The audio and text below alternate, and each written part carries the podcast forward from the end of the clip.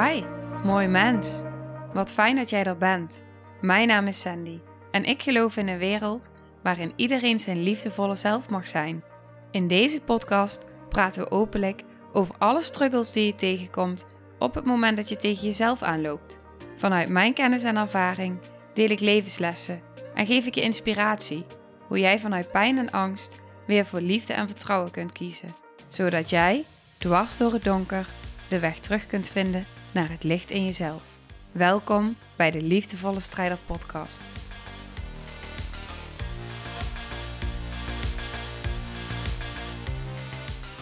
Dag lieve jij.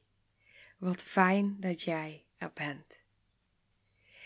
Ik ga met ontzettend veel dankbaarheid dit waardevolle en inspirerende gesprek met jou delen, wat ik heb mogen hebben met Isabel Voet. Zij is holistisch vitaliteitscoach en ik leerde haar kennen op de Body Mind Reset Live Masterweek van Vilna.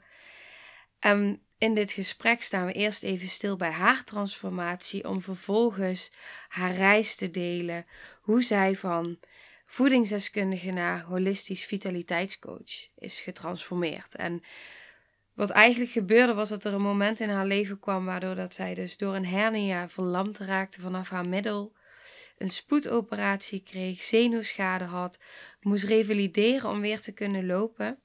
En terwijl de neuroloog eigenlijk geen antwoord wist te geven op haar vraag: waarom heb ik dit gekregen? besefte zij Fit en vitaal voelen is zoveel meer dan alleen maar voeding. Met voeding los je een hele hoop op, maar niet alles. Ja, het heeft me heel erg geïnspireerd. Het heeft me ook geraakt. Ik voelde ook tijdens het gesprek dat ik dacht: oh, ik voel dit zo door mij heen gaan. Ja, ik, eh, ik ben er heel erg dankbaar voor. En ik denk dat je hier echt ontzettend veel waarde uit kunt halen uit dit gesprek. Dus, um, nou, ik zou zeggen, ja, ga lekker achterover zitten, luister naar deze podcast en haal de tips er voor je uit wat met jou resoneert. Veel plezier. Nou, Isabel, welkom. Ja, dankjewel Sandy. Ja, fijn dat je er bent. Ja. Ja, en ook voor jou. Bedankt voor de uitnodiging. ja. Ja. ja. Ja, ik vind het echt superleuk. Ja, ik ook. Kijk er ook naar uit. Ja, ja en ook voor jou uh, welkom dat je er bent. Uh, fijn dat je weer luistert. En ik zit hier dus met Isabel. En uh, Isabel is vitaliteitscoach. Ja. En ik ken Isabel van de Body Mind Reset Live Masterweek van Vilna. En ik was wel alvast even heel erg benieuwd wat jij daaruit hebt gehaald uit die week. Ja, uh, een hele hoop. Ik had hem eigenlijk al heel lang op mijn lijstje staan. Uh, dat ik het heel graag een keer wilde doen. Ik heb best wel alvast al veel innerlijk werk gedaan. Maar ik had wel het idee van, uh, ja, dit, deze wil ik ook nog even graag afvinken. En omdat ik ook wel het idee had, ja, je bent, weet je, het is iedere keer een ui die je afpelt, maar het lijkt wel alsof je iedere keer ook iets nog af te pellen hebt. En um, ik volgde veel naar al een tijdje en de methode zoals zij hem bespreekt, zoals ze hem deelt met iedereen, dat sprak mij gewoon heel erg aan. En ik werk ook samen met uh, Marjolein Dubbers, dat is wel een hele grote bekende vitaliteitscoach, heeft ook diverse boeken geschreven. En ik werk ook in haar, als vitaliteitsexpert in haar community, de Energieke Vrouwenacademie. En zij is vorig jaar ook bij Vilna geweest. En zij kwam zo enthousiast terug. En dat was voor mij eigenlijk het laatste setje wat ik nodig had om, uh, om ook eens uh, die week bij, uh, bij Vilna te doen. En um, ja, en het was um, ja, heel, heel mooi. Het was echt ook voor mezelf weer toch weer die, een reis die ik ook weer gemaakt heb. Van tevoren dacht ik wel van ja, wat gaat het mij nog brengen? Want omdat ik al best, zoals ik net al zei, veel werk gedaan heb. maar het heeft mij zeker weer een diepere laag van zelfliefde gebracht. Dus daar heb ik echt nog meer zo'n diepere laag in kunnen creëren. En ehm, ja, ik heb, uh, ja, ik heb intense momenten ook wel meegemaakt. Um, ja, dus gehuild, heel erg gelachen. heel erg eh, geluk gevoeld, maar ook pijn gevoeld. Dus echt wel een beetje die uiterste. Ehm, en ik kwam met een soort rust, reinheid. ehm, en wat ik zei, dus net een diepere vorm van zelfliefde terug. En eh, ja, mijn omgeving zag het ook heel erg. Dat vond ik ook zo apart. Mooi. Eh, ja, dus zelfs mijn kinderen zeiden, je, je ziet er anders uit. Oh, echt? Oh, Ja. wauw. Ja, Ja. ja, Heel mooi. ja. Ja. Dus eh, Ja, ik heb veel- een heel mooie week even gehad eigenlijk. Ja, ja, precies. En ook mooi wat je zegt inderdaad over die ei. Ja, Steeds weer dat laagje dieper toch nog, eh, dat het toch nog altijd wel weer iets is. ja zeker. Want dan, eh, dat je steeds dichter bij die kern komt. Want dat is wat ik je eigenlijk wil zeggen. Meer zelfliefde en toch weer die emoties doorvoelen. En eigenlijk hoe meer je doorvoelt, geloof ik altijd, hoe dieper je bij die, die bron van liefde komt die je eigenlijk bent. Ja, zeker. Dus je komt eigenlijk steeds meer dichter bij wie ben ik in de basis. Ja, Wie is Isabel? En ehm, ja, ik ben daar zelf ook heel ver van afgeraakt eh, geweest. Dus ehm, ik had een Isabel gecreëerd vanuit mijn hoofd eigenlijk, zoals ik dacht dat ik moest zijn. En eh, nogmaals, ik had daar al wat werk in gedaan. Dus ik denk dat ik al eh, mooie stappen daarin had gezet. Maar zo zie je dat je dus eigenlijk ehm, ja, steeds, eh, nog steeds daarin kan leren en kan groeien. En eh, ja, persoonlijke ontwikkeling is ook niet iets wat stopt, naar mijn idee, of eh, wat een eindpunt heeft. nee. Ehm, en hierin heb ik daar weer echt ja, weer een laagje mogen afpellen. En ehm, ja, daar heb ik dus ook weer nog meer rust bij mezelf gevonden. Nog dichter weer bij mezelf gekomen. Bij de Isabel die ik echt ben. ja, wauw. Ja. Ja. Wat een cadeautje dan. ja, zeker. Zo kun je het inderdaad wel zien. Een Ja. cadeautje. Ja, echt aan jezelf. Ja, zeker. Ja, Investeren in mezelf. Ja, dat was, eh, was het echt. En eh, ik investeerde zeker altijd in mezelf, maar dat was meer cognitief. Dus, eh, hè, dus als ik terugkijk in mijn leven, dan investeerde ik zeker heel veel in studies. Ik kon echt van de ene studie naar de andere studie of opleiding lopen en gaan. Maar echt deze manier van investeren in mezelf, eh, ja, daar ben ik echt pas de afgelopen jaren mee aan de slag gegaan. En dat is toch echt wel een hele andere manier ja. dan het alleen maar vergaren van kennis. Mhm. hè. En, ehm, Het is ja, echt het ervaren nu. Ja, Ja, zeker. ja, ja. Ja. Ja, heel mooi. Ja. Ja, en ik, ehm, jij bent vitaliteitscoach. En ik zag ook dat jij een opleiding hebt gedaan eh, tot voedingsdeskundige. Ja, daar ben ik ooit mee begonnen. Ja, ja. precies. En wat ik me dus afvroeg van... eh, op een gegeven moment is bij jou dus ergens het roer omgegaan... van voedingsdeskundige naar vitaliteitscoach. Kun je iets vertellen over dat moment? Ja, zeker. Ehm, ik ben eh, denk ik eh, nu negen jaar geleden ben ik begonnen met de opleiding voedingsdeskundige omdat mijn kind een, een darmprobleem had, een, eh, voedingsprobleem. En ik dacht, ja, ik wil haar helpen, maar ik weet, ik was op dat moment was ik en ik ben dat eigenlijk nog steeds bedrijfseconoom, dus iets heel anders.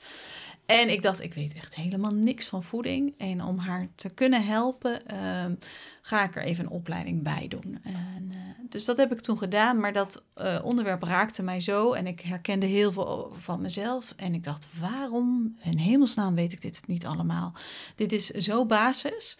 En dit is zo belangrijk voor hoe we ons voelen. En eh, ja, dus, dus ik was eigenlijk eh, een beetje flabbergasted eigenlijk. Dat ik dat allemaal niet wist. Hè, waarbij je natuurlijk allemaal eh, biologieles hebt gehad. één of twee, eh, twee jaar op de middelbare school. Maar dat vak had ik laten vallen. En ik had ook best wel wat meegekregen vanuit thuis. Mijn moeder was wel een, iemand die naar de natuurwinkel ging. Wat natuurlijk eh, 40 jaar geleden best uniek was. Maar, ehm, maar ik, ja, heel veel wist ik ook eigenlijk niet. En eh, dat vond ik echt heel erg jammer. En ik kon daarmee mijn kind helpen, maar zeker ook mijzelf. Ehm, en ik dacht, hiermee heb ik iedereen geholpen. Totdat mijn lichaam toch ziek werd. En ehm, mijn lichaam liet mij eigenlijk eh, letterlijk in de steek door. ik bleek een hernia te hebben. Ik had al heel lang rugklachten. Maar die hernia schoot door. Dus die werd zo groot dat ik eh, verlamd werd eigenlijk vanaf mijn middel. Dat noemen ze dan een incomplete dwarslesie. Omdat die hernia dan zo groot is dat je ruggenmerg afknelt. En eh, uiteindelijk moest ik eh, met spoed geopereerd worden om te voorkomen dat dat heel veel schade zou opleveren. Of dat je dan inderdaad in een rolstoel blijft of dat dan ook. Dus ik ben met spoed geopereerd en nadat ik wakker werd, had ik inderdaad zenuwschade. Dus ik kon niet lopen. Ik liep achter een rollator, kon wel lopen, maar niet zelfstandig. En dat was eigenlijk het moment dat ik dacht van, ehm, oké, maar je fit en vitaal voelen is dus meer dan voeding. En het omvat veel meer zelfs dan voeding. want ja, kijk mij nou.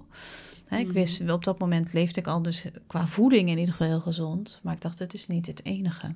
Het, dit gaat over nog zoveel meer. En op het moment dat ik bij de neuroloog zat, uh, na de operaties, en je hebt dan een nakontrole na een week of uh, zes. Uh, toen zei ik tegen de, en ik zat toen nog in een revalidatiekliniek, periode ook, van revalideren. En toen zei ik tegen die neuroloog, ik wil heel graag weten waarom ik dit heb gekregen. En vooral ook om te voorkomen dat ik het nog een keer krijg. En toen zei hij: Dat weet ik niet. Dat kan gewoon. Dat mhm. overkomt je. En toen geloofde ik dat niet. Ik geloofde hem wel dat hij dat geloofde, maar ik, het, het kon er bij mij niet in. Ja, van dieper weten. Ja, en ik dacht: Het klopt niet. Ik heb dit niet voor niks gekregen. Dus uh, zo voelde ik dat. En toen ben ik me dus uh, in eerste instantie meer gaan verdiepen in het fysieke lichaam. En hoe zit dat dan? En ik ben echt die spiegel voor gaan houden, want ehm, voeding loste voor mij een hele hoop op, maar ook nog niet alles. En toen uh, ja, ben ik dus daar verder naar gaan kijken en toen werd ik in eerste instantie geraakt door het onderwerp hormonen. En dat is natuurlijk iets niet geheel onbekend voor vrouwen. en uh, die waren bij mij al eigenlijk sinds mijn puberteit uit balans die zijn eigenlijk nooit in balans geweest. En uh, dus ja, ik weet nog dat ik op een open dag zat, want ik dacht, ja, ik, ik heb die opleiding tot voedingsdeskundige gedaan, heel leuk. Ik gaf ook al adviezen, dat deed ik buiten mijn werk om als bedrijfseconoom.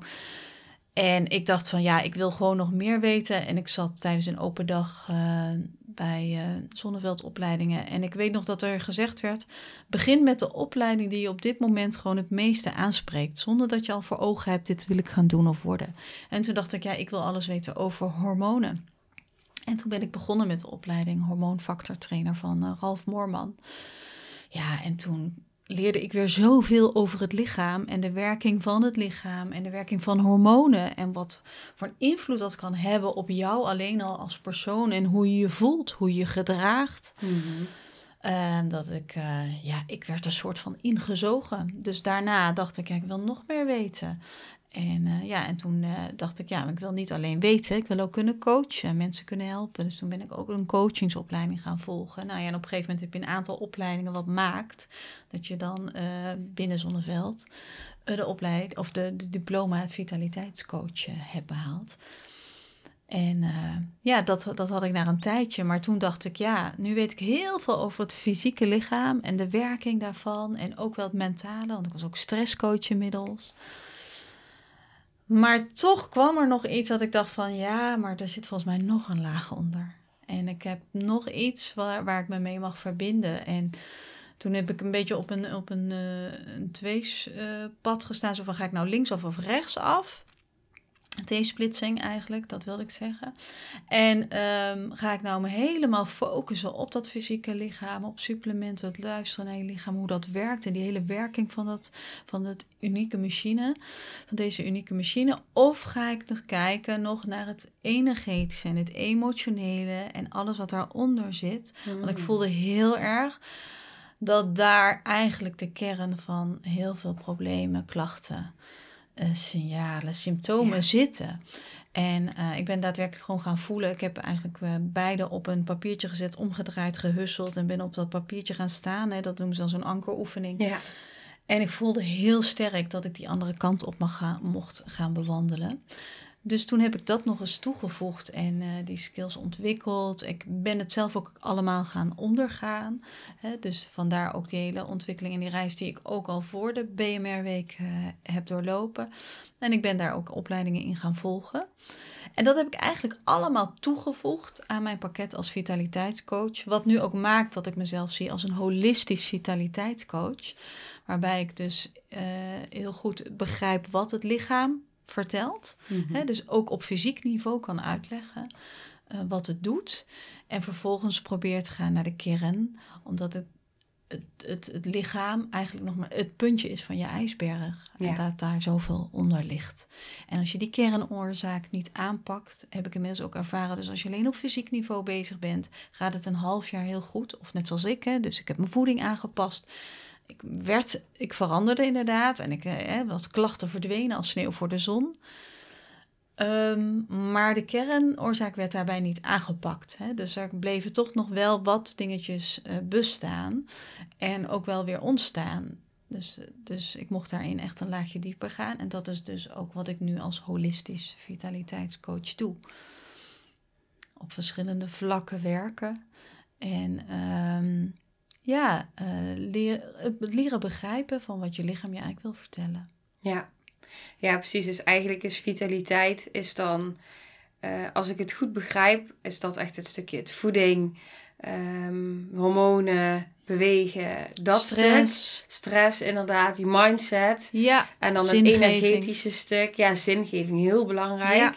En die combinatie maakt inderdaad het holistische echt de mens in zijn geheel.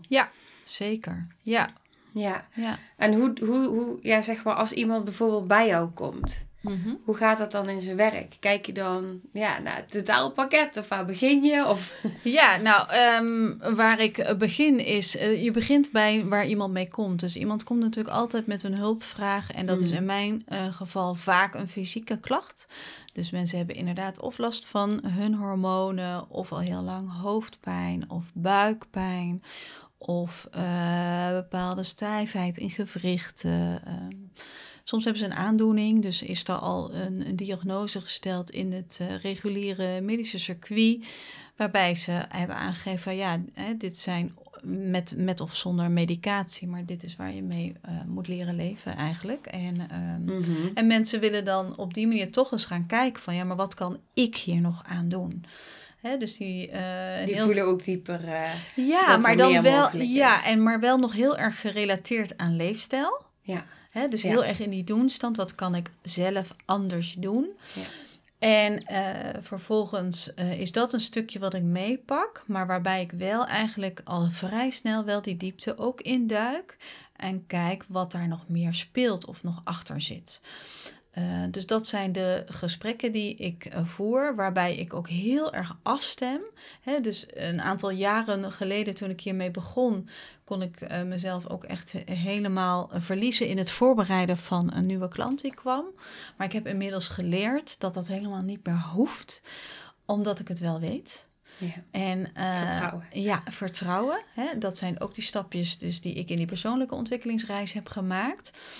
Ehm, waarbij ik dus niet alles hoef uit te zoeken, op te zoeken, hoef te begrijpen. Sterker nog, ik weet inmiddels dat ik vaak een, een week van tevoren dingen lees, hoor en zie, die ik in de gesprekken kan gebruiken. Mhm. Ja, dus ik voel mezelf een soort doorgeefluik Ja, soms. Het ja. is me ah, deze week ook alweer gebeurd dat iemand een vraag stelde dat ik zei, nou, ik, nog steeds zeg ik, dat is toevallig. Nou, ik Ja. weet dat het helemaal geen toeval is, maar dat is toch iets wat heel erg in ons systeem zit om dat zo te zeggen. Ja. Dat zei, oh, dat is toevallig, daar heb ik nog vorige week iets over gelezen. Ik corrigeer, mezelf meestal wel, zeg ik, nou ja, het is ah, trouwens geen toeval. Ik weet gewoon dat ik dit heb mogen lezen om dit nu met jou te delen. Ja. En, eh, dus, en dat overkomt me. En ik, heel veel klanten eh, eh, die dit, eh, of ex-klanten die dit horen, kunnen dat ook wel bevestigen, denk ik.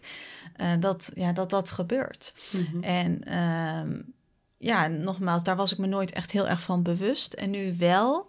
En daar vertrouw, durf ik nu op te vertrouwen. Dat dat Ja. ook gebeurt en komt.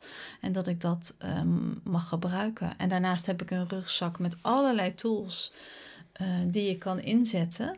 Maar dat stem ik dus heel erg af op het gesprek en op wat op dat moment speelt, wat er dan naar voren komt. Want ik weet het van tevoren niet. Ik weet alleen vaak de fysieke klacht Ja. en het verleden. Want mensen vullen wel eh, inderdaad een soort vragenlijst in. Ja.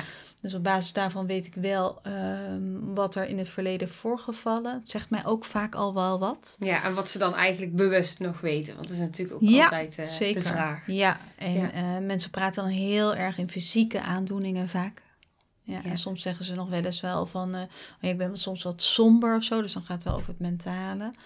En daaruit kan ik al heel vaak dingen herleiden. En eh, ja, nogmaals, schieten er dingen ook bij mij naar binnen. Ja, ja, dat is Ik- eigenlijk, ja, ik hoor je echt het energetische ook eh, ja, heel erg benoemen. ja, zeker. Ja, en dat is misschien ook wel leuk voor de luisteraar om te weten. We hebben net samen een live opgenomen waarin we daar ook dieper op in zijn gegaan. Die staat op eh, beide onze Instagram-accounts. Ja. En eh dit is heel erg herkenbaar. Inderdaad, eigenlijk toen jij mij net de vragen stelde.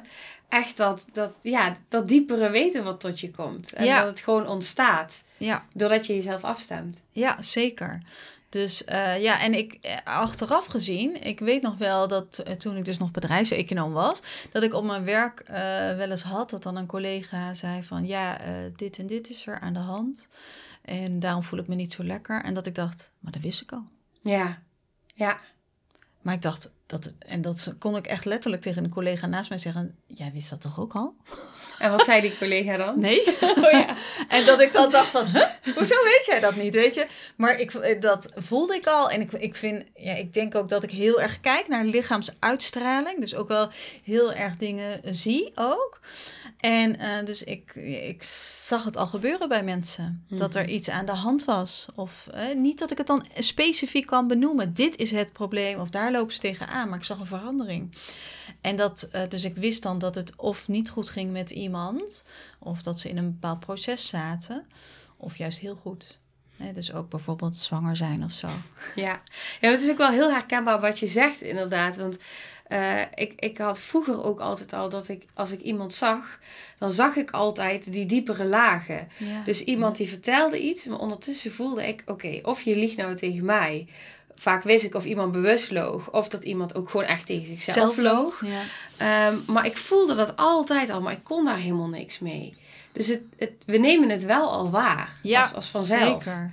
eigenlijk. Ja, heel herkenbaar. Ik denk dat ik, eh, ja, en ik heb dat eigenlijk altijd aangenomen dat iedereen dat heeft. Omdat je het dus ook nooit bespreekt met iemand, ben ik ervan uitgegaan dat iedereen dat heeft. En ik, als ik heel eerlijk ben, denk ik dat iedereen het ook kan. Ja, ik ook. Ja, Ik geloof dus het is niet in. dat ik iets unieks heb of eh, een wonder ben. Zeker niet. We zijn volgens mij allemaal uniek en zijn allemaal een wonder. En ik denk dus dat we allemaal op deze manier Mhm. kunnen voelen, weten, horen. Weet je, het is waar je voorkeur naar, eh, naar uitgaat. Ehm, eh, alleen dat we door eh, de manier van leven, hoe we leven, heel erg vanuit Opvoeding. ons hoofd, opvoeding, eh, de manier van opgroeien, onder, onderwijssysteem, Ja. heel erg vanuit die linker hersenhelft worden Ja. gestuurd, cognitief. En ehm, waarbij ik denk, sowieso bij mij in ieder geval mijn rechter hersenhelft dominant is. Hè, dat creatieve brein, dat emotionele deel, daar zit.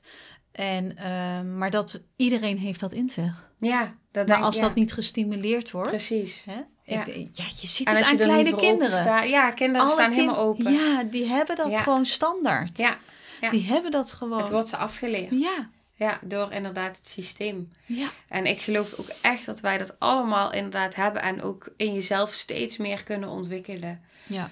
Maar de eerste stap is daar überhaupt voor open willen staan. Ja, precies. En soms moet je daarvoor dus een klacht ontwikkelen. Ja, precies. Om, eh, om dat eh, te willen zien, zeg maar, of willen inzien, willen aankijken. En Mhm. eh, nou ja, wat ik, eh, het mooie is dan aan mijn werk, ik werk zelf ook met een energetische bloedtest, een holistische bloedtest. Ja, daar was ik heel benieuwd naar. Ja, Ja, en dat is mooi, want we blijven eh, eh, toch dan eh, die mensen die op deze manier geschoold zijn en ook wel die nuchtere Hollanders, die het ook heel fijn vinden als dingen op papier staan of gemeten zijn. En ook al is het energetisch gemeten, want nogmaals, het wordt niet letterlijk in je bloed gemeten, maar het wordt wel energetisch op basis van energie gemeten. Nou, energie is er gewoon en overal. Dat En is dat? wetenschappelijk bewezen. ja we zijn gewoon energie. Ja, zeker. precies. Hè? Ja. Dus vanuit de kwantumfysica. ja. En als dochter van een natuurkundeleraar kan ik bevestigen dat het gewoon ook zo is. Ja. Zelfs mijn vader, een, een nuchtere Hollander, zegt inderdaad alles is energie. ja, mooi. Eh, ja, dus ehm, hoe meet je dat, vroeg je. Nou, daar eh, is een, een lab voor hier in Nederland. En eh, ik heb daar die opleiding gevolgd en ben daarbij aangesloten. En dat is eh, een, een software systeem waarbij ze dus eh, eh, via de computer op basis van een, heel klein beetje, een vingerprikje, dus een beetje bloed, de energie van jou kunnen meten. En alles wat betrekking daarop heeft op je lichaam. Dus dat gaat over vitamine, mineralen, over stress, over hormonen. Um, over je spijsvertering, over darmen, over je lever, over je maag. Dus ook heel erg orgaan gerelateerd, maar ook je meridianen, dus de energiebanen. Uh, maar ook alles tussen de communicatie tussen je hersenen, je brein en je darmen en, en je lijf en alles daaromtrent um, kan daarin gemeten worden. En alles wat prioriteit heeft op dat moment dat die afgenomen is, dat komt naar voren. En het is aan mij als coach om dat te analyseren en dan ook die uh, verbindingen te zien. Hè, want er komt misschien best wel veel uit en je kunt het allemaal losstaand als een rijtje zien en denken: wow, nou, dat gaat niet lekker met mij. Um, maar ik zie heel vaak verbanden, want als het mhm. een uit de pas loopt, heeft dat weer invloed op het ander. Als je darmen niet in balans zijn, dan heeft dat weer invloed op de aanmaak van bepaalde vitamine en mineralen. Het heeft uh, van invloed. En hormonen ook, toch? En zeker op je hormonen, op neurotransmitters met name, dat zijn semi-hormonen. Die bepalen weer de gedrag en hoe je je voelt. Mm. En uh, dan zie je dus ook um, als kenner, als expert, um, waar eigenlijk op dit moment die aandacht naartoe mag gaan. En soms komt iemand met buikpijn, maar blijkt en denkt diegene van, nou, ik moet een probiotica en ik moet dat soort dingen, want die darmen moeten weer in balans komen. En blijkt inderdaad dat vooral de stresshormonen uit balans zijn.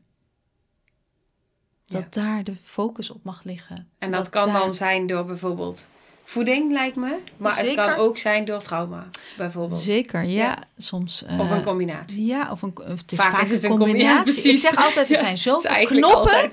Er zijn zoveel knoppen waar je aan kan draaien. En uh, je, de kunst aan mij uh, is om als, als expert, als therapeut, coach, om aan jouw knopje te draaien. En ik moet aan verschillende knoppen draaien om de ideale afstemming te vinden. En dan is dit de ideale afstemming voor nu. En dan ga je weer verder. En dan zul je zelf in het loop van je verdere leven af en toe weer een knopje moeten bijdraaien. Maar doordat je nu wel die kennis en de kunde hebt en dat proces zelf doorgemaakt hebt en uh, ik je heb daarin mogen begeleiden, weet jij wel wat mogelijk is nu.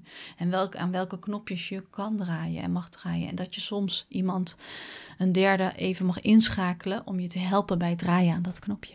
Ja, ja precies. Dat is zo belangrijk. Ja. Ja, want als nou bijvoorbeeld de luisteraar dit hoort, heb je dan ook al, al tips wat iemand zelf inderdaad al kan doen om, uh, ja, om daarin beter voor zichzelf te zorgen of te onderzoeken of misschien wel die stap te zetten om inderdaad daarin hulp te durven aannemen? Nou, ik, ik ben nog steeds van overtuigd dat voeding wel heel belangrijk is. Ja. Dus ik noem dat ook vaak een soort basis. Uh, alleen het heeft wel vaak een reden waarom uh, je voeding niet is zoals die is. En uh, ik hoef niemand te vertellen dat de McDonald's geen een gezonde voeding is. Nee. Lijkt me niet. nee. nee, dus heel veel mensen weten echt wel uh, wat wel en niet gezond is. Natuurlijk zitten daar details in. En uh, wat ik vaak zie is dat mensen zich er niet bewust van zijn dat ze bijvoorbeeld niet gevarieerd eten. Dus we eten heel eenzijdig. Dus als je zegt van nou, ik zou wel een eerste stap uh, willen maken, dan zou je bijvoorbeeld al kunnen beginnen door wat meer variatie te brengen in je voedingspatroon. Door uh, bijvoorbeeld met jezelf af te spreken: wat eet ik vandaag? Dat eet ik de komende twee dagen even niet. Ja. Nou, dat is eigenlijk al een, heel, een hele simpele regel. In de uitvoering zeker lastiger. Uh, maar als je voor jezelf, uh, als je naar je ontbijt bijvoorbeeld kijkt, als je drie verschillende ontbijtjes bedenkt en die vervolgens in de week afwisselt. Nou, die, na twee weken of drie weken kun je die ontbijtjes uit je hoofd. Zit je ook in dat ritme en wissels je continu af. Dan ben je al heel gevarieerd bezig. Als je zorgt dat daar iedere keer andere ingrediënten in zitten. Hè, dus niet Griekse yoghurt, kwark. Nee, en, en gewone yoghurt. Want dat zijn uh, drie uh, uh, dezelfde ingrediënten. Maar dat je daarbij um, eigenlijk echt an naar andere ingrediënten kijkt. Waarbij we Waarbij ik wel altijd probeer, want wat eten we heel veel is uh, vaak uh, inderdaad koemelk. En toch die gluten, uh, granen eigenlijk. Ik zeg niet dat iedereen uh, gluten moet laten staan. Ik ben ervan overtuigd dat we alle, van alles moeten kunnen eten. Dat, daar ben ik echt van overtuigd. Ook koemelk dus. Ja, dat moeten we kunnen, maar niet iedere dag en continu. Ja. Weet je, dus ik heb eh, zelf ooit een voedingsintolerantietest vanuit het bloed echt. Hè? Dus dan meet je echt de antistoffen. Nou, daar kwam bij mij torenhoog ook uh, koelmelk uit. Nou ja, die kan ik op zich wel verklaren, want dat at ik wel ook inderdaad veel en regelmatig. Je bent je daar ook helemaal niet bewust van, want koelmelk is niet alleen een glas melk, maar het zit in yoghurt, het zit in kaas, het zit in als, alles, koekjes, in, ja, chips. precies. Het zit in vleeswaren. Ja. Dus weet je, dus het zit in ontzettend veel producten, dus je eet eigenlijk continu hetzelfde. Dus het is een stukje bewustwording. Uh, daarbij eten wij gewoon heel veel uh, granen en gluten en tarwe. Hè, dat zit ook overal in namelijk. Mm. Hè? En dan hoor ik als mensen ja, maar ik eet ook wel eens een wrap. Ja, zo gluten is, ook, is ook hetzelfde ingrediënt. Weet je, dus er zijn veel varianten van gemaakt, maar het is nog steeds hetzelfde ingrediënt. Dus om daar dus naar te kijken en uh, dat, uh, zeg maar, die variatie in aan te brengen, um, daar kun je al zoveel mee winnen. Waarbij je niet jezelf hoeft op te leggen: ik ga niet meer snoepen, ik eet helemaal geen suiker meer. Hè? Want dat is vaak, we beginnen vaak met wat we allemaal niet willen. Maar het is veel beter om de focus te leggen, want je brein kent het woord niet helemaal niet. Mhm. Dus dan wordt dat eerder een obsessie en zie je overal suiker. Kijk, je op wilskracht doen eigenlijk. Ja, enorm ja. op wilskracht. Maar waarbij je dus echt gaat kijken, maar wat wil ik wel? En dat is dus wat meer variatie in groentesoorten, het heeft mij geholpen door een groentetas te nemen, een biologische groentetas. Dus dat ik echt dat. Ik weet nog de eerste weken dat wij zo'n tas hadden. Het is al heel lang geleden. Maar dat ik het eruit haalde. Dat ik tegen mijn man zei: Wat is dit? Wat moet ik hiermee? Zei hij: Oh, nog nooit zien. Wel ik vier van die, uh, die dingetjes erop. En je hebt nog nooit gezien. Vier van die uh, voelsprieten leken het wel. Nou, het is dus een venkel. Maar, oh ja. maar hoe ziet dat dan uit, zo'n groentetas? Dat, dat stel ja, je zelf samen? Nee, of? dat stelt dus iemand. Ik, ik probeer dat altijd zo lokaal mogelijk te doen. Ik wissel ook nog wel eens van, van lokale boer. Of nu heb ik weer even het, een tijdje de tas van de, de Ecoplaza. maar ik pak ook wel eens wat meer in de buurt. Maar ook de Ecoplaza probeert zo lokaal mogelijk producten te halen. En dan zit daar gewoon iedere week andere groenten in. Dus waar je zelf, tenminste als ik naar mezelf keek, ik kocht het liefste courgette, broccoli, paprika uh, en komkommer en sla. En dat was het ook eigenlijk. Niet, ik kwam niet heel veel verder. En nu komen er echt groentes voorbij, ook vergeten groentes, waar ik zelf nog nooit mee gekookt had. Interessant. Ja, en dat, uh, dat leerde mij ook. En in het begin sta je wel met zo'n venkel in je hand, denk je, wat moet ik hier nou mee maken? Maar ja, weet je, uh, uh, internet is al sowieso iets heel fantastisch. En je zoekt het op en je hebt zo'n zo recept voor je neus en je gaat ermee aan de slag. En het blijkt gewoon ook heel erg lekker te zijn. Dus ik heb echt een uh, weer smaak ontwikkeld daarin ook. En uh, ja, en ik word daartoe gedwongen. Nou, dat is een beetje een indirecte dwang. Um, door uh, het afnemen van zo'n groentetas. Want ik merk als ik zo'n groentetas even niet heb, Um, dan stap ik toch weer heel snel in dat oude bekende patroon. Ik pak de groentes waar ik, waar ik comfortabel mee ben, die ik sowieso weet qua smaak, lus ik sowieso standaard. En waar ik zo de gerechten mee op tafel uh, zet. En dan uh, snijbietblad pak ik dan niet, bijvoorbeeld. Snap je? Precies. Ja. Ja, en, uh, en als dat in mijn groentetas zit, ja, dan ga ik toch kijken, oké, wat kan ik daarmee maken? Oh, kun je dat ook wokken? Oh, wat leuk. Nou ja, dan kan ik best een pasta gerecht maken. Ja. Maar dan gooi ik daar snijbietblad doorheen bijvoorbeeld. En dan krijg je dus andere verschillende soorten uh, groenten binnen. En iedere groentesoort heeft weer zijn eigen unieke samenstelling en stoffen die ons lichaam ontzettend graag wil. Want ons lichaam gedijt helemaal niet bij hetzelfde. Ons lichaam wil wel altijd van hetzelfde, hè? dus dat gaat dan over gedrag en patronen. Mhm. Maar ons lichaam gedijt bij variatie. Ja, mooi. Bij verschillende soorten voedingsstoffen. Ja. En daarom gaat ons lichaam op een gegeven moment ook reageren, omdat we iedere keer hetzelfde naar binnen werken. Ja, precies. Dus je voelt ook, want ik weet inderdaad dat je brein en je hersenen zeg maar in verbinding zijn. Dus je, Ja. je of ja, je brein, ik bedoel je darmen en Ja. je hersenen.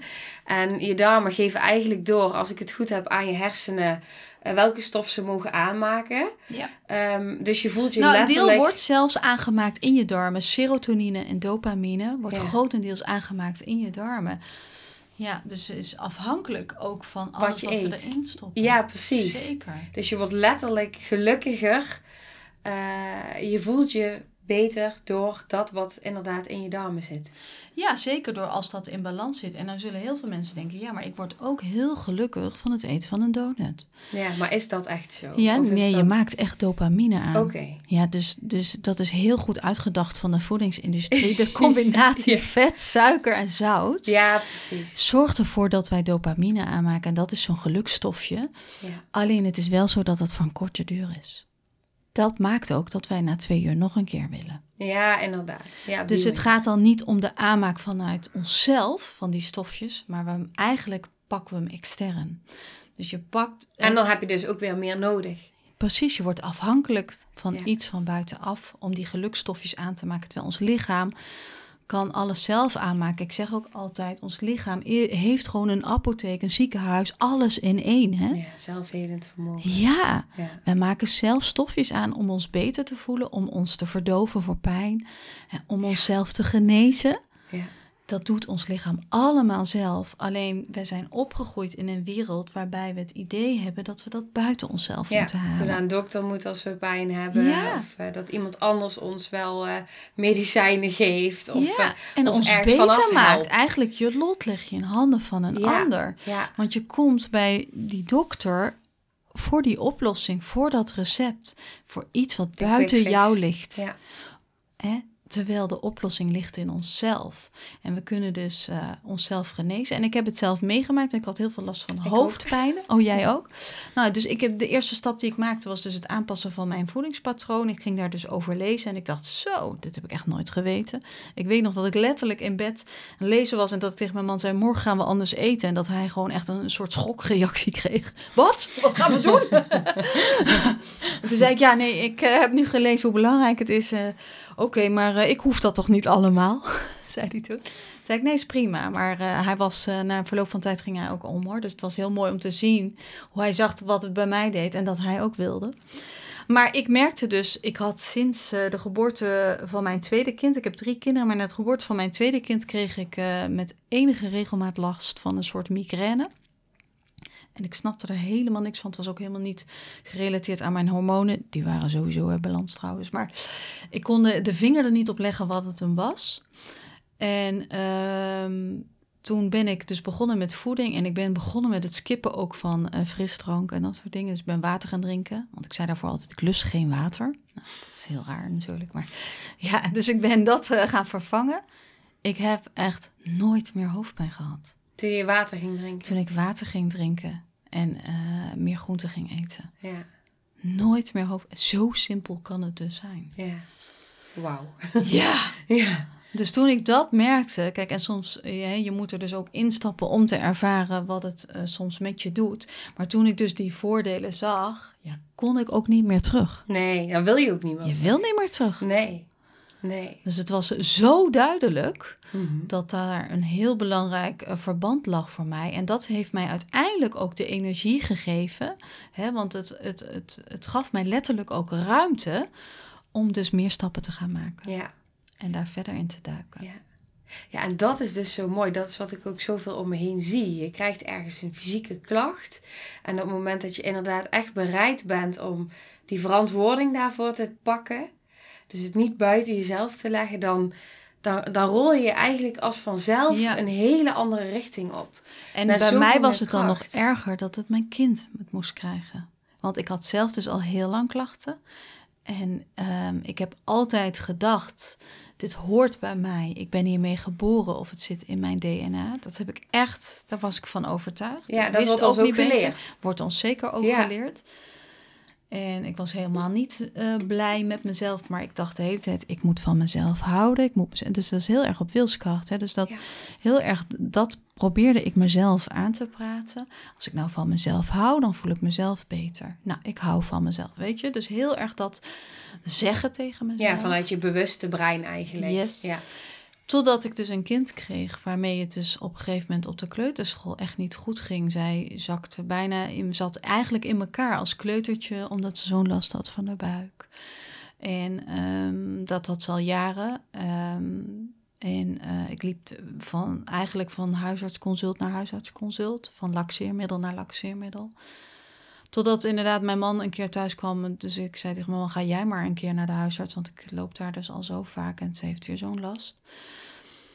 En de huisarts werd ook altijd boos op mij. Zei, waarom stop je toch altijd met de laxeer? Maar dat is helemaal niet ergens gewoon prima, weet je. Dan kan zij gewoon naar het toilet. Maar ergens diep in mij voelde dat niet oké. Het klopte gewoon voor mij niet. Dus ik stopte altijd. En dan nou ja, ging ik toch weer met een laxeermiddel naar huis. Maar hij ging een keer, mijn man, en toen kwam hij thuis en zei ik had een andere huisarts. En uh, ja, ik heb weer een laxeermiddel meegekregen. Maar bij het weggaan zei hij, misschien moet je een keer stoppen met koemelk drinken. En hij zei het. Nou, je kent het misschien wel. En ik dacht meteen, dit is het. Ja. Ik wist het ook meteen. Ja. En toen zei, want alle, ze was inmiddels zes. Maar het leek wel alsof er allerlei kwartjes vielen. Ja, want zij, verbranden. Ja, want zij, vanaf hoe klein ze was, riep zij, zij kon eerder praten dan lopen, riep zij de hele dag, melkie, melkie. Oh. Leek wel verslaafd aan melk. Ik vond haar ook een verslaafde. En ik dacht ook van ja, zij vraagt om melk, zij drinkt heel veel melk en nog steeds hè, heel veel yoghurt en kaas. En, maar het voelde voor, voor mij dus ergens al van het klopt niet. Dit is een obsessie ja. voor iets. Ook is eigenlijk ook suikerverslaving lijkt me. Ja, zeker. Daar zit natuurlijk ook uh, suiker, in, uh, in melk. En ik stopte ermee en ik kreeg meteen een heel ander kind. Binnen een paar weken. Ja, dat zelfgeneesend vermogen van een, een, een, klein kind van een, is, dat gaat in een rap tempo. Precies, ja. En uh, ja, ik zag haar echt uh, veranderen. En toen, ja, toen ben ik dus me gaan verdiepen. En toen dacht ik, ja, zij heeft kenbaar mogen moeten maken aan mij om dit pad te gaan bewandelen. Om met mezelf aan de slag te gaan. Ik heb haar mogen krijgen om, uh, om dit met mezelf te gaan doen. Ja. En, dus, en nu ook voor anderen kan doen. En nu ook voor anderen kan doen. Ja. Ja, ja. zeker. Ja, want dat is natuurlijk zo bijzonder, hè, dat je dan zo'n heel pad hebt bewandeld en ziet hoe dat uiteindelijk dus, dat wat jij dus allemaal hebt doorleefd, nu dus kan doorgeven aan anderen. Ja. Ja. ja, en dus ook aan mijn kind, want uiteindelijk, ik hmm. bedoel, ben met haar natuurlijk gestopt. We zijn anders gaan eten. Zij had er zeker ook baat bij. Ehm, het ging niet altijd hele, meteen natuurlijk helemaal. Het was niet meteen halleluja. Uh, maar ik merkte dat als ik iedere keer een laagje afpelde of een sprong maakte in mijn ontwikkeling, hoefde ik bij haar niks te doen, dan ging zij ook beter. Ja, dus je hield jezelf en daardoor... En daarmee je kind. Ja, precies. Ja, het was gewoon energetisch doorgegeven. Precies. Ja, dus het schijnt ook echt dat je DNA letterlijk verandert. Ja. En dat dat dus bij je kind ook mee verandert. Zeker. Ja, ja. zo magisch. Ja, dat is, dat. is echt enorm fantastisch. Dus, uh, en dat is ook soms ook onbeschrijfelijk. En uh, volgens mij hadden we het er net ook al over. Hoe weet ik soms ook niet. Nee. Maar ik weet alleen dat het wel zo is. Ja. En dat het gewoon gebeurt. En ik heb het zelf aan de lijve mogen ondervinden. En ook bij mijn kind zien gebeuren. Want ik, in beginsel ben ik bij mijn kind. En eh, toen had ik wel uh, zeg maar een stap buiten het reguliere gemaakt. Hè. Ik ben, ook lang met haar bij de kinderarts geweest en ook altijd in overleg met de kinderarts die stap naar het complementair gedaan. Dat was ook oké. En, um, maar ik merkte ook aan haar dat ze op een gegeven moment een soort van therapie moe werd. Hmm. En toen heb, heb ik haar daar ook helemaal uitgehaald. En toen, hè, toen kwam dat inzicht van, hey, als ik nou eens alleen naar mezelf ga werken, wat doet dat dan met haar? En dat was voldoende. Dus ik mocht het gewoon bij mezelf gaan doen. Ja, schitterend. En daarmee... Weer naar jezelf toe. Ja. Dus echt de verantwoording ook daarin bij jezelf weer leggen. Ja, zeker. Ja, niet de ander willen veranderen, maar jezelf nee, veranderen. je kind dus... spiegelt gewoon jezelf. Ja, ja. Spiegelt jouw issues. Ja, Want je bent zo nog in connectie met elkaar. Inmiddels is ze 15, dus... Uh, ja is, die, is, die, uh, is dat meer omgedraaid. Een kind staat natuurlijk heel erg naar de moeder toe. En inmiddels probeert zij natuurlijk, en dat is een hele mooie ontwikkeling, gaat zij natuurlijk haar eigen leven langzaam leiden. Met mij nog in haar rug. Ja. Maar um, het is wel heel mooi om te zien, omdat kinderen je dus zo enorm spiegelen. En ik heb er mhm. drie, dus het is niet alleen zij en die andere twee uh, spelen daar ook een hele grote rol in. En ieder weer op zijn eigen manier. Ja, ja maar het is ook zo mooi van jou ook, en, en, en misschien ook voor jou als luisteraar, dat inderdaad op het moment dat je kind jou spiegelt, dat je dus ook echt kan zien wat, wat, wat wil dit mij vertellen? Wat zegt dit over mij? In plaats van wat zegt dit over mijn kind? Precies. Ja. Ja. Ja. Dat, dat vind ik echt fantastisch. Ja, ja, dat is ook heel mooi, maar soms ook heel pijnlijk en confronterend. Ja, absoluut. Want ik heb ook heel vaak gedacht, waarom heb ik dit doorgegeven aan mijn kinderen? Want dat is nou net een deel wat ik niet wilde ja, doorgeven. Dat is nou net wat je wel doorgeeft. Ja, en wat je dan net doorgeeft, maar wat jij dan dus ook mag gaan aankijken om het hele uh, bij jezelf, maar juist ook bij je kind. En zoals mijn kind ooit zei, vond ik ook heel mooi. Het ging over iets en toen zei ik van ja, ik, ik bespreek dit met jou en ik doe dit omdat ik graag wil ehm, dat het bij mij stopt, dat ik dit niet doorgeef aan jou. En, en, want ik heb het ook uit mijn familie, vrouwelijke lijn meegekregen, dus van haar oma, mijn moeder. En toen zei ze, maar heel je dan ook oma? Ja. Vond ik zo'n mooie vraag en toen zei ik, ik denk het wel. Ja, ja. Ja, Heel zo mooi. hoe kinderen dat dan daarnaar kijken. En toen zei ik, ik weet zeker dat als het bij mij geheeld is, dat dat zeker ook ja. naar, uh, uh, ja, naar voor mijn generaties voor mij hield. Zeker. Uh, ik heb het wel eens teruggehoord van mensen. Ja? Oh, ja, mooi. Dat ze zeiden van, dat ze iets in zichzelf hielden. En dat ze het zowel bij inderdaad het kind zag als bij de vader. Oh, mooi. Dat ze, dat ze echt die gedragsverandering Verandering zag. zag. Ja. ja. En dan denk ik, wauw, moet je toch eens kijken hoe mooi dat is. Ja, en ik denk, ik denk als jij dat zo zegt, dat zie ik ook wel bij mijn eigen moeder, die inmiddels 76 eh, is. Um, en um, ik denk de dingen die ik aangekeken heb en waar ik naar gekeken heb, ik zie haar ook nog steeds daarin ontwikkelen en, en stappen maken. En juist door dit ook met elkaar te bespreken, want de issues waar ik tegenaan loop zijn haar bekend. Ja. Vaak, heel ja, vaak. Precies. Dus door juist dat dan samen met elkaar te bespreken, um, weet ik zeker dat dat ook wat bij haar nog steeds doet. En dat zij mhm. daarin ook die groei nog uh, mag maken en maakt. Ja. Ja. ja, en wat ik, wat ik jou ook hoor zeggen, en dat vind ik ook heel mooi, dat je het dus ook echt zo met je kind bespreekt. Ja. Dat vind ik zo mooi, want daarmee die openheid die je dan ook naar je kind aangeeft, van ja, ik heb ook mijn struggles en ik doe dit, zodat, hè, zodat het heelt ja, die verbinding die er dan ontstaat. Jouw kwetsbaarheid, die er ook mag zijn. Zeker. En ehm, een heel klein voorbeeldje daarvan is dat eh, ik ben zelf een, een stuit geweest. Uh, ik kwam als stuit uh, op de wereld. Dus als eerste met mijn billen. En dat was een hele zware bevalling voor mijn moeder. En ehm, exact hetzelfde gebeurt bij mijn kind, mijn eerste kind. Ook een stuit. En uh, ook een hele zware bevalling en nog zwaarder dan die van mijn moeder, waarbij ik zelfs uh, op de IC beland ben doordat ik heel veel bloed ben verloren. Uh, na, want zij is uiteindelijk, ik ben niet met een keizersnee geboren, maar mijn dochter moest uiteindelijk gehaald worden met een keizersnee, omdat ze er echt niet uitkwam. En dan is een stuit niet handig.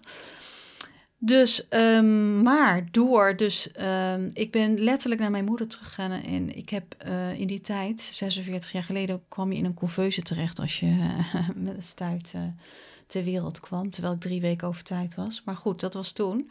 Dus ik heb aan mijn moeder letterlijk gevraagd, wel, hoe was dat voor jou?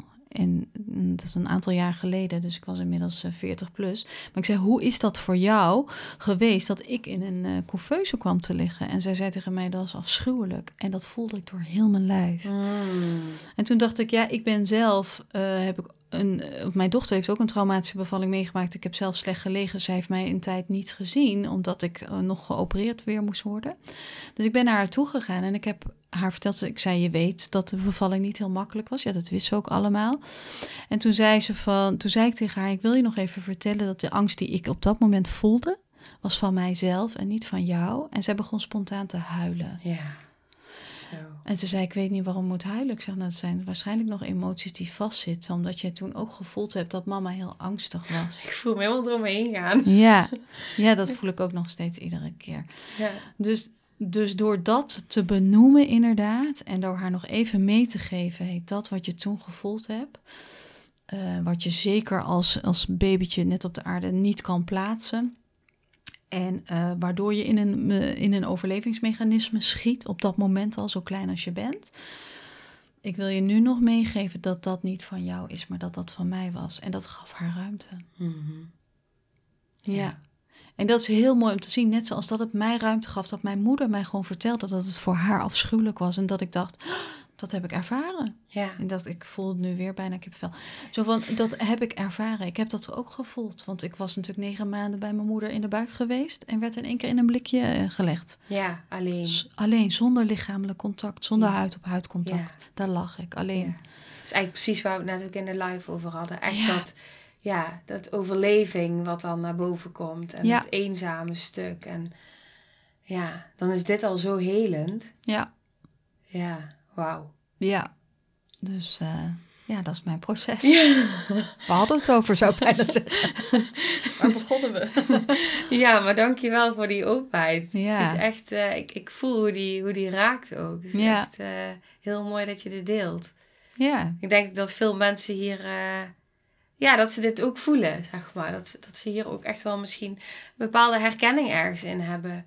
ja, zeker. En ja, door het gewoon te bespreken, dus ehm, denk ik dat je al veel meer oplost zonder dat je daar zeg maar bewust van bent. Ja. Hè? Want we denken heel vaak, ik wil mijn kind er niet mee belasten. Ja, Dat herken ik ook wel. Van terwijl het er gewoon is. Terwijl het er gewoon is. En eigenlijk zeggen we dan tegen ons kind, het mag er niet zijn. Precies. Onbewust. Onbewust, Ja. zeker. Ja. Hè, dus ik, eh, van de week nog zei, eh, zei mijn kind, liep ik naar boven en toen was ik even knorrig of ik had iets. En toen zei ze, mam, wat is er? En ik zei, niets. En, ik, en toen dacht Mm. ik, oh nee, dat is niet, klopt niet. Want er is wel iets inderdaad. Dus ik corrigeerde daarna. En toen zei ik, nou, mama heeft even heel druk en ik eh, vind dit even lastig. Oké, toen was het goed, ging ze ook weer verder. Ja. En om te leren van, ik heb het ook wel eens even lastig. Of het is, eh, het Ja. loopt even niet zoals ik wil dat het loopt. En, maar we geven, als je de boodschap meegeeft, er is niets, geef je eigenlijk mee, het mag er niet zijn. Ja, zodat jij- ze voelen dat het dat er er wel, wel is. is. Ja. Ja. Ik had toevallig van de week inderdaad ook met iemand over. Ik wil in september starten, ga ik starten met twee opleidingen. En eh dat is allebei ook echt absoluut gericht op trauma. Dus ik zei ook van ja, ik ga zelf ook binnenste buiten. En toen zei diegene ook tegen mij van ja, en eh, is dat fijn of handig als je net een baby hebt? En toen zei ik nou, ik heb mezelf die vraag ook gesteld. Maar ja, ik denk het wel, want het is er toch. Het Ja. zit in mijn energieveld. Ja. Dus wanneer ik het ook doe, of dat ik net een baby Ja. heb of een kind heb Nee. van vijf of pas over tien jaar. Ik de baby zal, ja, en de baby zal het toch waarnemen. Ja, die neemt het nu ook waar. Ja, precies. Ik ben er ook van overtuigd dat het zo werkt. ik ook. Dus ik dacht, ja, het, het moment is er als je het voelt. En ik voel het. Ja, Dus, eh, precies. Dan mag je daarop vertrouwen. ja. En juist dan ook inderdaad dat het er dan dus ook gewoon mag zijn. Ja. Want het is er inderdaad toch wel. En het hoort bij ons als mensen. ja, hè? precies. We zijn Dus niet we- perfect. Precies. Ja. Hè, dat is waar we heel vaak naar streven. Het mag er allemaal niet zijn, want alles gaat goed. Hè? Het gaat ook altijd goed met iedereen. Ja. Ehm, dus, eh, eh, maar juist denk ik, dat is het mooiste wat je kind mee eh, kan geven door te zeggen van, ja, het gaat ook wel eens niet goed. ja. Maar ik werk daaraan, dus ik ga daar, ik kijk daarna, ik doorvoel dat. ja. En ehm, dus dat kan jij ook. Precies, dat, dat je dat laat zien. Ja, ik Ja. had inderdaad een tijdje terug ook een podcast daarover opgenomen. Van het is gewoon oké om niet oké te zijn. Ja. Want ja, dat mag er ook zijn. Ja. Ja. Nou, Super. mooi. Ja, zeker. Ik denk dat we zo maar gaan afronden. Ja, zijn we echt al zo ver onderweg? Ja, we zijn al even aan het eh, kletsen, ja. Ik was er al bang voor. ja. Ja, tijd vliegt zo. Ja, zeker. Ja. Ja, is er nog iets, eh, waar kunnen mensen je vinden? Eh, is er nog iets wat je, wat je wilt Ja, delen? ehm, nou, heel makkelijk. Mijn naam is Isabel Voet en dat is ook mijn website www.isabelvoet.nl. Ik heb ook een gratis e-book die mensen kunnen downloaden eh, via mijn website en waarin ik eh, mijn tien eh, geheimen voor een vitale leven deel. Eh, Er zit ook altijd een praktische oefening bij, bij al die tien tips, eh, waarmee je zelf eventueel aan de slag kan. Ik zeg altijd nooit alle tien tegelijk, maar kijk wat je het meeste aanspreekt. Ja. En ga daar eens mee aan de slag. Hè, dus als je nu denkt van, oh, ik wil iets met voeding, is dat voor nu ook oké. Maar denk je, nou, voeding is niet volgens mij prioriteit. Maar wil veel meer met een ander onderwerp aan de slag, is dat ook oké. Weet je, niet alles hoeft tegelijk. En dat wat het meest resoneert op dit moment, daar kun je mee aan de slag gaan. En ehm, nou ja, ik, ehm, mijn website is denk ik eh, een, eh, een mooi punt om, eh, om mee te starten. Of via Instagram ben ik ook te volgen, ook weer als Isabel Voet. Ik zal hem ook toevoegen in de beschrijving. Ja, Ja. super. Ja, Dus eh, Ja. nou ja, eventueel kan ik de link nog aan jou doormailen voor het e-book, dat je dan gratis kan downloaden. Oh, dat kan, zeker. Ja, ja dus, zet ik je erbij. Ja, Ja, heel goed. Dus eh, Nou, dankjewel. ja, graag Ja. gedaan. Ik vond het een heel eh, waardevol gesprek. Ik ook, Sandy. Ja. Hartstikke fijn om dit zo samen te doen. Ja, vind ik ook. Ja. Ja. Nou, en jij ook dankjewel voor het luisteren. En dan eh, tot de volgende aflevering. Nou, lieve mensen, ontzettend bedankt voor het luisteren. Ik ben heel benieuwd wat je van de aflevering vond en welk inzicht je eruit hebt gehaald. Mocht je nog vragen hebben of is er een onderwerp waar je meer over wilt weten, laat het me dan weten. En wie weet neem ik het mee in een van de volgende afleveringen. Als je het leuk vindt, kun je de aflevering delen. Of maak een screenshot en tag me op Instagram. Want ik vind het echt super tof om te zien wie er luistert. De link van mijn Instagram staat in de beschrijving bij de podcast.